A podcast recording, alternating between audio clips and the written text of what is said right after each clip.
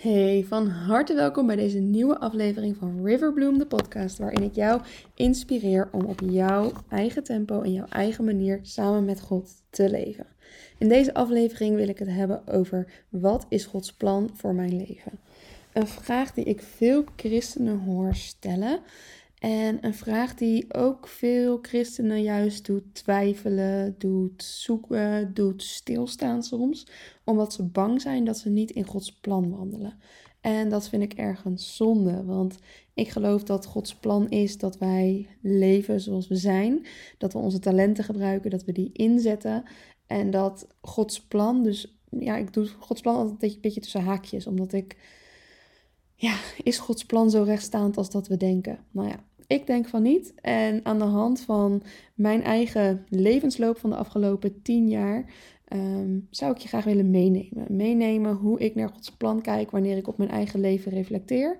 En hoe ik Gods leiding daarin zie. Ook al was het met bumpy road soms, soms en met teleurstelling en pijn en plannen die niet liepen zoals ik eigenlijk had gewild.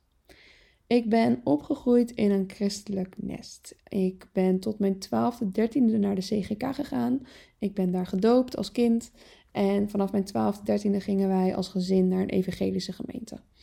En daar heb ik dus heel mijn tienertijd um, doorgebracht. Ik heb daar vrienden gemaakt, vrienden die ik nog steeds veel spreek, uh, waar ik het leven mee deel. En waar ik ook samen mee voor God koos toen ik 16 of 17 was. 17 denk ik, ja. Ik was 17 en koos toen dus voor God door middel van de volwassen doop. En ik, ja, hoe ik daarop terugkijk, ik twijfelde toen al best wel veel. Uh, in mijn tienertijd, ik vond uh, geloven best wel ingewikkeld. Ik ging naar een openbare school waar niet per se veel andere christenen zaten. Ik voelde me daar soms best wel alleen in mijn geloof en een beetje zoekende. En uh, veel atheïsten die daar heel uitgesproken over waren. En ik weet nog mijn biologielerares die ook wel echt heel erg van evolutietheorie. En in de kerk werd dat echt wel tegenover de schepping gezet. Nu zie ik dat heel anders. Maar werd het heel erg zo wetenschap tegenover geloof gezet. En dat vond ik heel moeilijk te rijmen, omdat mijn hoofd ergens wel heel erg van wetenschap houdt. En het fijn vindt om alles te kunnen verklaren.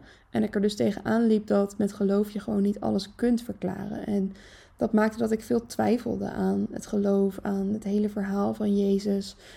Um, alle verhalen die in de Bijbel stonden en dat ik dat gewoon heel ingewikkeld vond. En toch ervaarde ik heel veel van God in die tijd. Eigenlijk wel echt tekenen dat dwars door mijn twijfel heen God er was. Ik weet nog dat ik kinderwerk deed in de kerk en dat ik daar op een zegenochtend, dat was aan het einde van het jaar, gingen we altijd de kinderen zegenen. En dat raakte mij opeens zo diep. Ik vond dat zo bijzonder en ik was daar zo in aangereikt. En als ik er nu ook aan terugdenk, dan denk ik van wat was dat dan precies? En ik kan het gewoon niet goed verklaren. En dat zijn voor mij wel de momenten dat ik denk, ja, dat is uiteindelijk wie God is. Wat, wat God is en hoe God werkt. Onverklaarbaar door onze twijfels heen, uh, recht naar ons hart. En dat maakte dat ik toen wel, ondanks al mijn twijfels en ondanks de onrust die er soms was, ehm, ja, toch koos voor God. En zoiets had van ik wil bij God horen. Toen ben ik na mijn eh, VWO, ik wist niet wat ik wilde gaan studeren, ben ik DTS gaan doen. Discipleship Training School. En ben ik een tussenjaar gaan doen. Dat was van jeugd met opdracht. Ik vond het nog steeds wel ingewikkeld hoor, die uh, vragen. En er werd in jeugd met opdracht best wel rechtlijnig verteld hoe het zat en hoe het niet zat. En hoe dat dan allemaal, uh, nou best wel een duidelijk beeld werd er geschetst van wat dan christen zijn is en hoe dat dan zat. En ik bleef eigenlijk soms wel ook wel met vragen zitten. En tegelijkertijd werd mijn hart ook heel erg aangeraakt in die tijd. Omdat je weg bent uit je eigen bubbel. Je bent met veel jonge mensen. En je ziet veel van de wereld op outreach. En hoewel ik daar nu heel anders naar kijk, naar outreach en korte zendingsreizen, heb ik daar wel heel erg veel moois mogen ontdekken en mezelf mogen ontwikkelen. En ja, kwam ik wel terug met een hart helemaal on fire voor Jezus. En wilde ik dus heel graag over Jezus vertellen. En was dat echt dat ik dacht, ja, dat is uiteindelijk waar ik voor gemaakt ben, hoe God mij geschapen heeft. Ik wil andere mensen vertellen over Jezus. En dat kwam ook terug in een van de profetieën die ik kreeg tijdens mijn Discipleship Training School. Ja, ik zei al, het is een charismatische beweging. En je kreeg daar dus profetieën. En een van die profetieën is me nog steeds bijgebleven. Zij zegt van, je gaat um, invloed hebben op mensen, op jouw generatie. Je hebt een hart voor mensen van jouw generatie. En de komende tijd ga jij, net als in een kast, steeds meer lades ontdekken van tools die jou gaan helpen om ehm, de generatie te, toe te rusten en te bemoedigen. En ja, als ik dit nu zo zeg en bedenk wat ik nu mag doen, dan valt alles op zijn plek. Want ik heb in die jaren daarna inderdaad heel veel verschillende tools verzameld en ontdekt. En had ik toen nog geen idee van. En dat is nu wel echt um, in vervulling aan het komen. Maar goed, even los van die profetie. Um, kwam ik toen terug en ik wilde dus over Jezus vertellen. Ik wist niet hoe ik dat ging doen, waar ik dat ging doen uh, en wat ik daarvoor nodig had. Ik wilde eigenlijk heel graag terug naar die jeugd met een opdrachtbubbel omdat ik daar uh, gewoon lekker veilig zat en dat heel erg uh, mooi vond om met jonge mensen op te trekken. Maar mijn ouders wilden wel graag dat ik ging studeren. Ik had die mogelijkheid. Ik had een goed stel hersens. Dus ze hadden zoiets van: ga maar eerst lekker studeren. Dan kun je daarna altijd nog terug naar jeugd met een opdracht. En dit vind ik super bizar en interessant als het gaat om Gods leiding in jouw leven, Gods plan voor jouw leven. Want hier hebben mijn ouders dus ook een grote rol gespeeld in welke richting ik op ging, wat ik ging doen, wie ik ging ontmoeten. Want uiteindelijk ging ik theologie studeren. Heb ik daar nog een coach voor, um, een loopbaancoach toen voor gehad. Met één meeting moest ik allemaal dingen invullen. En zij ging dan nou, adviseren welke richting dan tof zou zijn. Dus in mijn zoeken hielp ze daarin. En toen zei ze eigenlijk, ja, logisch studies zijn misschien niet helemaal jouw ding. Want dan moet je toch echt wel goed kunnen structureren, veel details begrijpen en beredeneren. En jij bent meer van het grote plaatje, van concepten en van dat begrijpen. En voor een opbouw van een paper bijvoorbeeld zou je dan misschien wel hulp nodig hebben. Maar de roep voor mij om dus over Jezus te vertellen en daarmee bezig gaan, te gaan, uh, was zo groot dat ik zoiets had van nee, theologie is echt wel mijn ding. Ik heb toen ook nog naar uh, onderwijswetenschappen gekeken, of de academische PABO. Dus de PABO in combinatie met pedagogiek ik denk dat ik dat ook heel erg leuk had gevonden hoor. Als ik nu kijk wie ik nu ben en hoe ik onderwijs en pedagogiek en de ontwikkeling van een kind en van de jonge mens en van de mens uh, in aan zich, vind ik super interessant. Dus ik denk dat ik daar ook helemaal op mijn plek had gezeten. En dat ik bij theologie inderdaad heeft zij wel een beetje gelijk gehad. Ik vond het soms echt veel te abstract en dat ik dacht, jongens, kunnen we het ook even wat praktischer maken? En uh, dat eindeloze filosoferen heb ik soms zoiets van, nou, nu is het wel even goed. Het moet ook uh, gewoon werken in de wereld. Maar het heeft me wel heel erg veel kaders gebracht. En uh, in die zin ja, leidt God ook daar dus doorheen. Door advies van anderen, keuzes die anderen voor jou maken. Als je dus inderdaad nog uh, afhankelijk bent van je ouders. Als ik was toen net 18. Maar goed, dan hebben je ouders gewoon nog wel te, wat te zeggen over jouw leven. Over de keuzes die je maakt. En um, ja, dat heeft gewoon invloed op dus de weg ook die God met jou gaat. En ik denk dat we zeker in deze individualistische samenleving soms zo gesteld zijn op onze eigen keuzes, maar dat we ook het advies van anderen, uh, wijsheid van anderen, mensen die al een tijdje meelopen, dat we daar ook um, nou, wijsheid uit mogen putten en richting uit mogen putten. En dat dat dus ook een stukje Gods leiding kan zijn van uh, wat anderen vinden en wat anderen jou wijzen. Dus dat is één ding wat ik over Gods leiding wil zeggen. Wijsheid van anderen, van om je heen. Uh, mag je, ja, je mag om advies vragen. Niet dat je daar iets dan mee moet. Je mag nog steeds zelf beslissen en zelf richting geven daaraan. Maar God spreekt wel ook door anderen. Ja. Toen ben ik dus theologie gaan studeren, een bachelor ingehaald, daar Alex leren kennen, getrouwd als echte studenten. En daarna ben ik antropologie gaan studeren. Menskunde is dat. Dus in plaats van echt het goddelijke bestuderen zoals theologie doet en het religie, is antropologie echt het mens zijn, het cultuur. Um, snappen hoe de mens in elkaar zit en uh, de grote systemen van cultuur en van mensen bij elkaar begrijpen. En dat heeft mijn geloof en mijn wereldbeeld en hoe ik naar mensen kijk heel erg gevormd. En dat bracht ook dat we nog steeds wel samen een verlangen hadden om naar het buitenland te gaan. Alex en ik samen, we hadden echt wel een visie gekregen op zendingswerk, op ontwikkelingswerk. We hebben allebei, dus Alex heeft ook jeugd met een opdracht gedaan, die heeft daar nog langer gezeten. Die is wel langer blijven plakken dan ik. En toen elkaar dus toch tegengekomen op, uh, op de faculteit.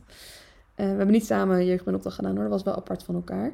Uh, maar het, was, ja, het voelt wel ergens als iets heel bijzonders dat we elkaar dus ergens wel in diezelfde bubbel hebben geleefd.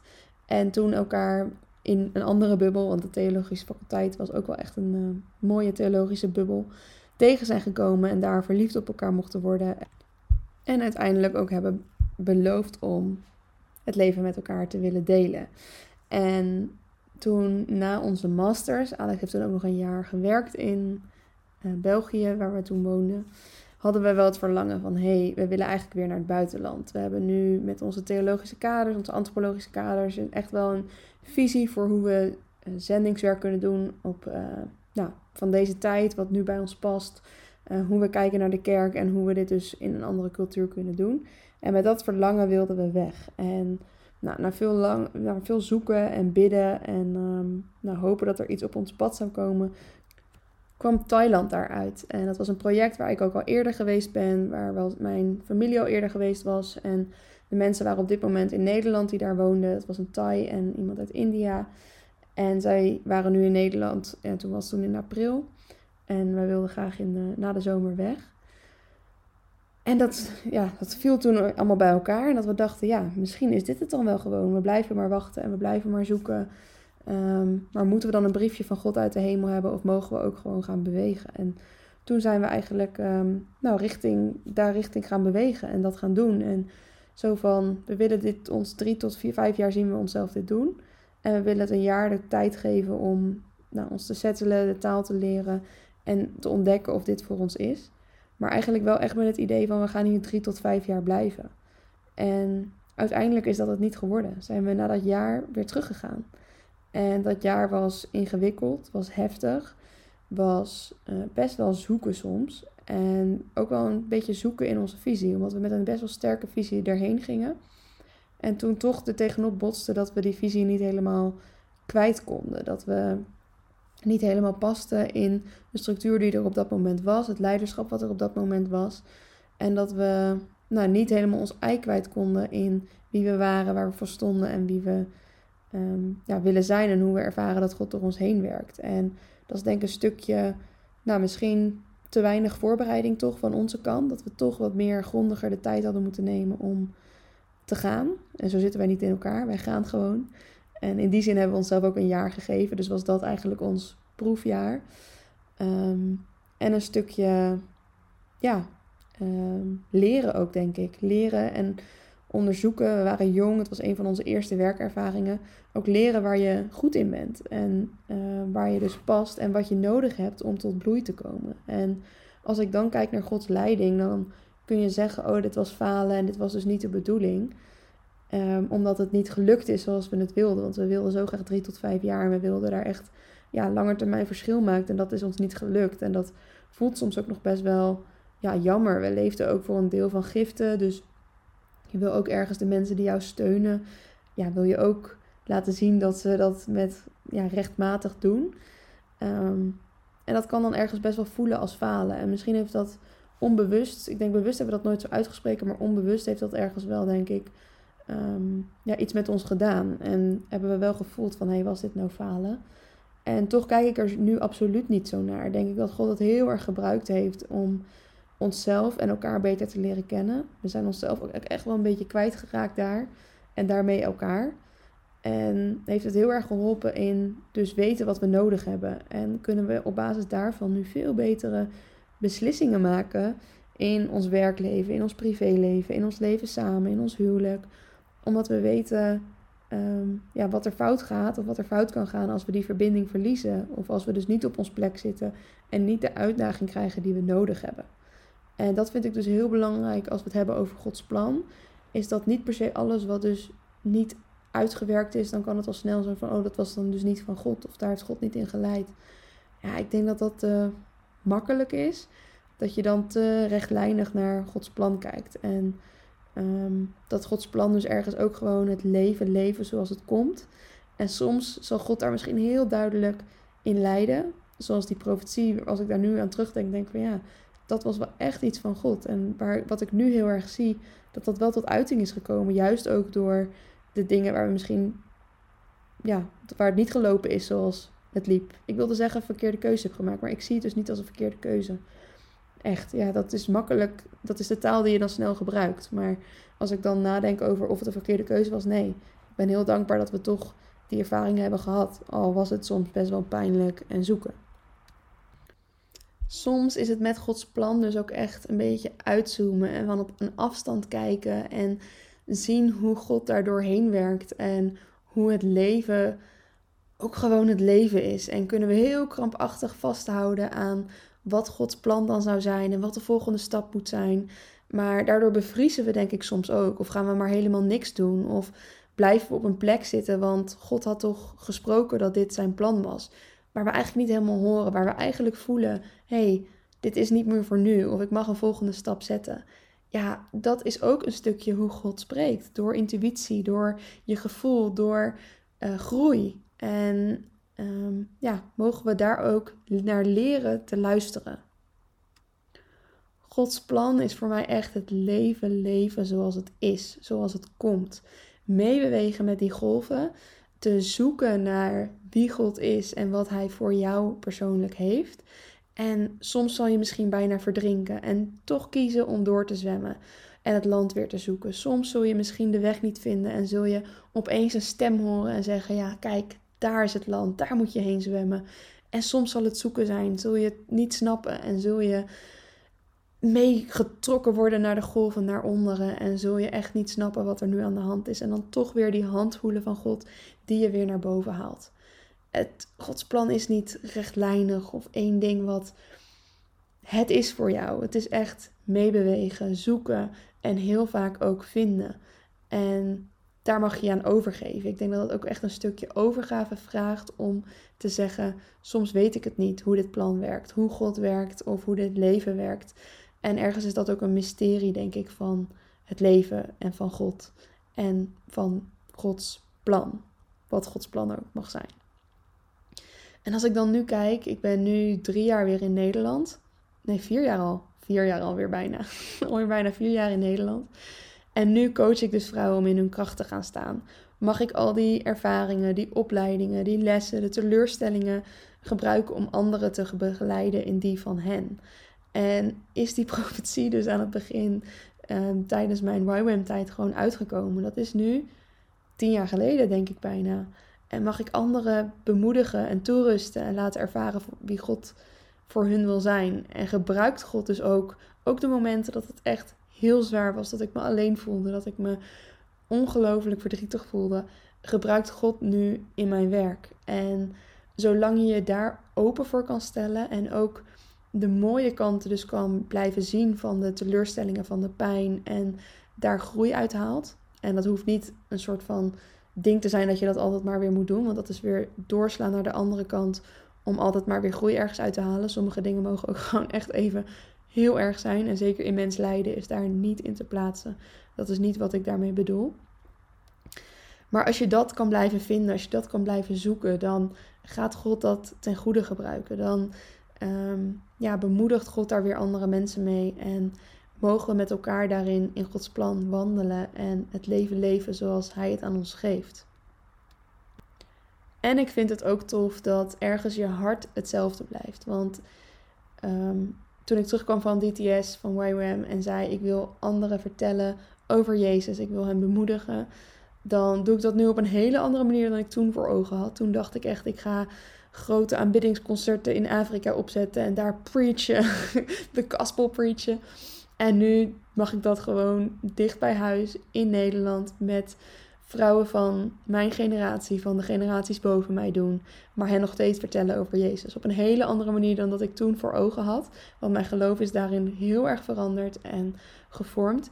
En tegelijkertijd hetzelfde. Ik mag nog steeds vertellen en uitstralen wie Jezus is. En daarin is mijn hart niet veranderd en werkt God dus ook met onze hartenwensen. En zou ik je dus ook echt willen uitnodigen. Wat is jouw hartenwens?